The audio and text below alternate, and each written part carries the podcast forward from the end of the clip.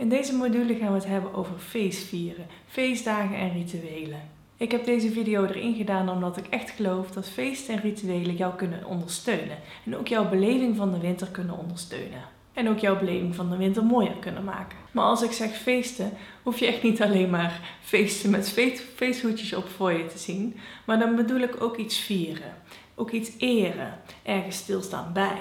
Alleen of met anderen. En dat kan je ook doen door iets te herdenken bijvoorbeeld. Of in de vorm van een ritueel. Maar ik zal hier later ook nog op ingaan.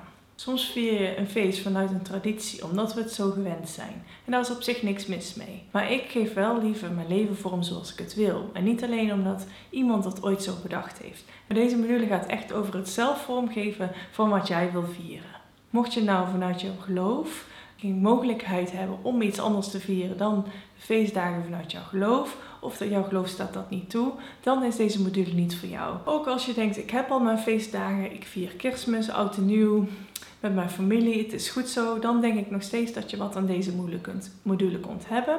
We gaan namelijk ook in op rituelen. En in de eerste helft van de module ga ik in op de uitdagingen, zoals de traditionele feestdagen. En daarmee bedoel ik Sinterklaas, Kerstmis, Oud en Nieuw, zoals de meeste mensen in Nederland kennen.